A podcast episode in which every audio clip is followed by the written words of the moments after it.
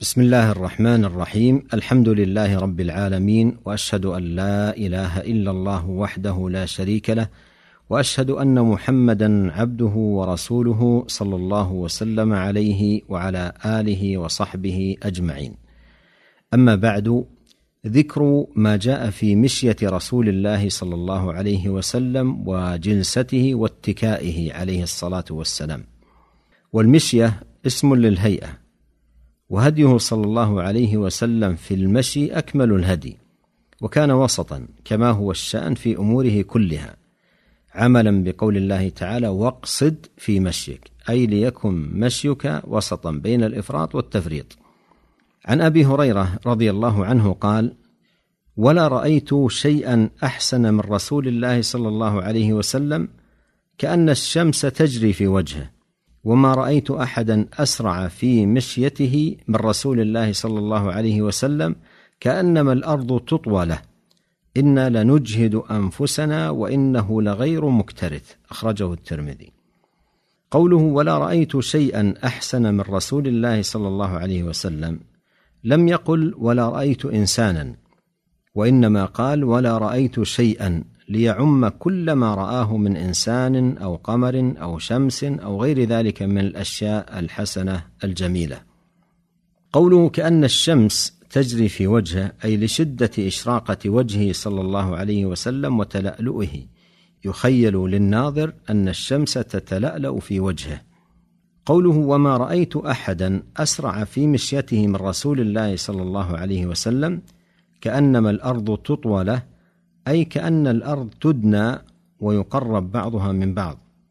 قوله إنا لنجهد أنفسنا وإنه لغير مكترث أي يمشي هذا المشي لا عن إجهاد نفس ولا تكلف وإنما هو مشي صلى الله عليه وسلم المعتاد. ومع ذلك فإن الصحابة يجهدون أنفسهم إذا مشوا معه وفي هذا إشارة إلى قوة بدنه عليه الصلاة والسلام. وعن إبراهيم ابن محمد من ولد علي بن أبي طالب قال كان علي إذا وصف النبي صلى الله عليه وسلم قال كان إذا مشى تقلع كأنما ينحط من صبب قوله كان إذا مشى تقلع أي لا ينهض قدمه من الأرض نهوض المتماوت المتكاسل وإنما ينهضها بقوة ويمشي بقوة لكمال قوة بدنه عليه الصلاة والسلام. قوله كأنما ينحط من صبب أي كأنه ينزل من مكان مرتفع. وأما جلسة رسول الله صلى الله عليه وسلم فالجلسة بالكسر اسم للهيئة والمراد بيان هيئة جلوس رسول الله صلى الله عليه وسلم. وأما جلسة رسول الله صلى الله عليه وسلم فالجلسة بالكسر اسم للهيئة والمراد بيان هيئة جلوس رسول الله صلى الله عليه وسلم. عن قيلة بنت مخرمة أنها رأت رسول الله صلى الله عليه وسلم في المسجد وهو قاعد القرفصاء قالت فلما رأيت رسول الله صلى الله عليه وسلم المتخشع في الجلسة أرعدت من الفرع أخرجه أبو داود. هذا الحديث قد سبق ذكر طرف منه وهو حديث طويل في قصة إسلامها رضي الله عنها. قولها وهو قاعد القرفصاء ذكر أهل العلم رحمهم الله لهذه الجلسة صفتين. الأولى أن يجلس الرجل على إليته ويضم فخذيه إلى بطنه ويشدهما بيده. ووصفت بهذه الصفة لأن الجسم يتقرفص أي يتجمع وينضم بعضه إلى بعض. وهذه الصفة يقال لها أيضا الاحتباء. الصفة الثانية أن يجلس معتمدا على ركبتيه كجلسة التشهد ثم يلصق بطنه على فخذيه ويجعل يديه تحت إبطيه. قوله أرعدت أي أصابتني رعدة وهي ارتعاش البدن من الفرق أي من الخوف. لما جعل الله سبحانه وتعالى له صلى الله عليه وسلم من مهابة. وعن عباد بن تميم عن عمه رضي الله عنه أنه رأى النبي صلى الله عليه وسلم مستلقيا في المسجد واضعا إحدى رجليه على الأخرى متفق عليه. عم عباد هو عبد الله بن زيد بن عاصم رضي الله عنه صحابي جليل شهد العقبة وبدرا. وسائر المشاهد مع رسول الله صلى الله عليه وسلم وهو الذي أري الأذان في النوم شارك في قتل مسيلمة الكذاب. قوله مستلقيا أي نائما على قفاه قوله واضعا إحدى رجليه على الأخرى يستوي في ذلك وضع إحدى الرجلين على الأخرى والقدمان ممدودتان أو بإقامة إحدى القدمين وجعل الأخرى عليها. وهذه الهيئة يفعلها الإنسان أحيانا للراحة إذا احتاج إليها وليست هيئة مألوفة يفعلها الإنسان ابتداء. فلذلك لا تفعل غالبا في المجامع وإنما يفعلها الإنسان إذا كان خاليا في المسجد أو في غيره أو كان بين عدد يسير من رفقته واحتاج إليها. وقد روى مسلم في صحيحه عن جابر رضي الله عنه أن رسول الله صلى الله عليه وسلم نهى عن اشتمال الصماء والاحتباء في ثوب واحد وأن يرفع الرجل إحدى رجليه على الأخرى وهو مستلق على ظهره. قال أهل العلم في الجمع بين الحديثين يحمل حديث النهي فيما إذا كان الإنسان لا يأمن أن تنكشف عورته كالمؤتزر أما إن أمن ذلك كالمتسرول فلا حرج عليه. وعن أبي سعيد الخدري رضي الله عنه قال كان رسول الله صلى الله عليه وسلم إذا جلس في المسجد احتبى بيديه. قوله احتبى بيديه الاحتباء هو أن يجلس الإنسان على مقعدته ويضم البطن والساقين إلى الفخذين ويقبض بيديه من أمام ساقيه أو يدير قطعة من القماش من وراء ظهره بدلا من اليدين. وهي جلسة تريح البدن وتغني الإنسان عن الاتكاء إلى جدار أو نحوه. وقديما قالوا الاحتباء حيطان العرب.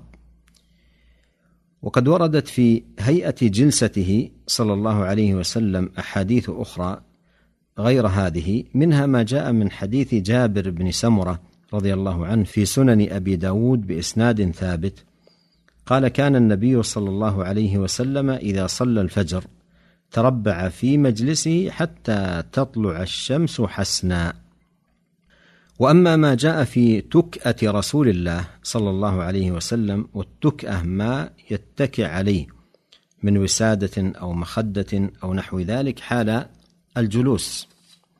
عن جابر بن سمرة قال رأيت رسول الله صلى الله عليه وسلم متكئا على وسادة على يساره. أخرجه الترمذي.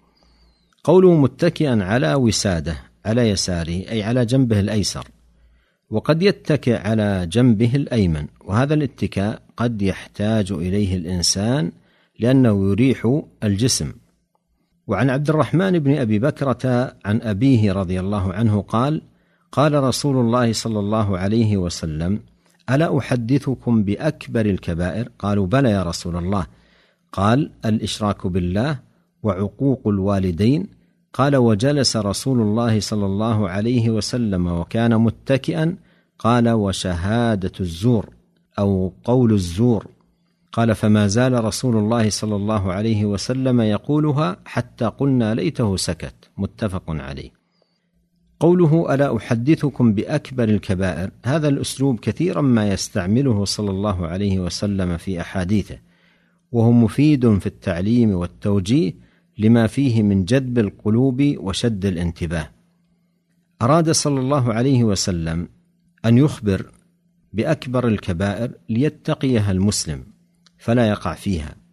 فكما أنه مطلوب من المسلم أن يعرف الخير ليعمل به فكذلك مطلوب منه أن يعرف الشر ليجتنبه. وكيف يتقي من لا يدري ما يتقي؟ وقد أفرد العلماء رحمهم الله مصنفات خاصة بالكبائر. من أنفسها كتاب الكبائر للإمام الذهبي رحمه الله وينبغي على الآباء أن يعنوا بهذا الكتاب مع أهليهم وأولادهم قراءة ولو مرة في العمر حتى يعرفوا الكبائر ويقفوا على ما أعده الله سبحانه وتعالى لفاعليها من العقوبات ليكونوا منها على حذر. قوله الإشراك بالله.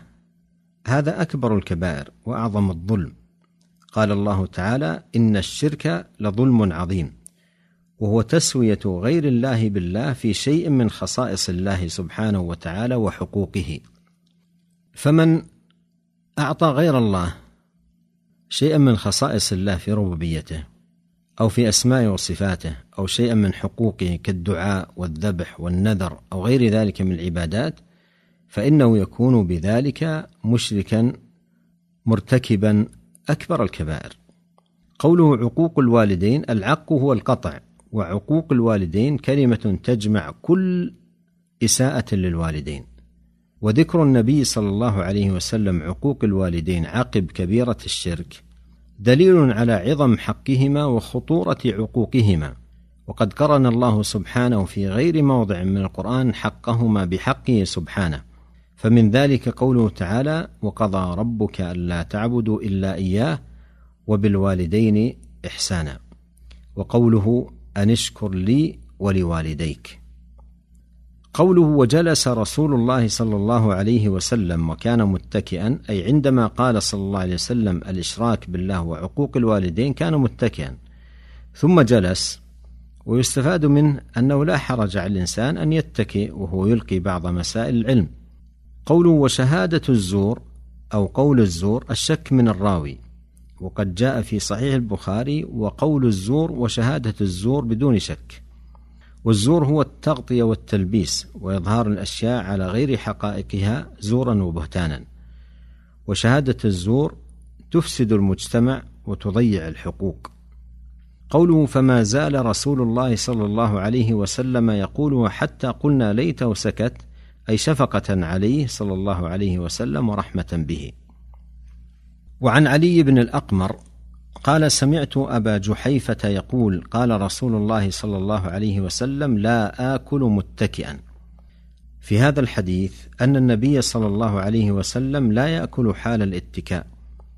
وقد قيل في علة ذلك أن الاتكاء جلسة تعطي الإنسان شيئا من الشره والإكثار من الطعام. هذا وبالله وحده التوفيق والسداد. نسأله جل وعلا أن يوفقنا أجمعين لكل خير وصلى الله وسلم على عبده ورسوله نبينا محمد وآله وصحبه أجمعين. والسلام عليكم ورحمة الله وبركاته.